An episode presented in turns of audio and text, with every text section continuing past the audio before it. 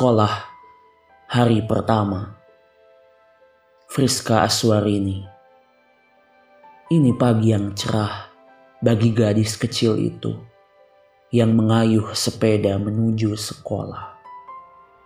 Pukul 7.30, duduk berkeringat di bangku kelas. Rok lecak kena bercak air lumpur.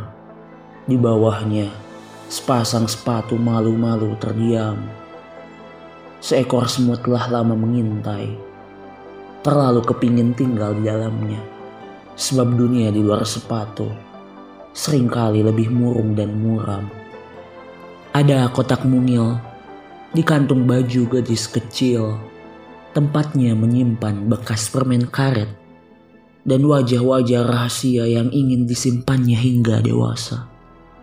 Pukul 9.30 Anak-anak berlarian keluar. Gadis kecil bermain lompat tali, jalinan karet yang rumit. Semoga kelak hidupnya tak jadi pelik. Pukul 11.30, ia lupakan makan siang. Dengan mata paling riang, setia dinantinya nasi dan lauk buatan ibu.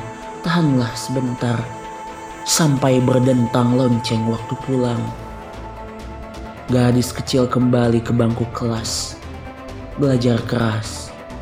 Saat bosan, berayun-ayun sepatunya mengetuk-ngetuk pelan kaki meja. Tapi seekor semut terbangun dari tidur, menggigit kelingking si gadis kecil. Seketika, kesakitan ia, seolah tersadar akan sengit dunia, kelak akan dikayuhnya dalam pacu waktu dan doa ibunda.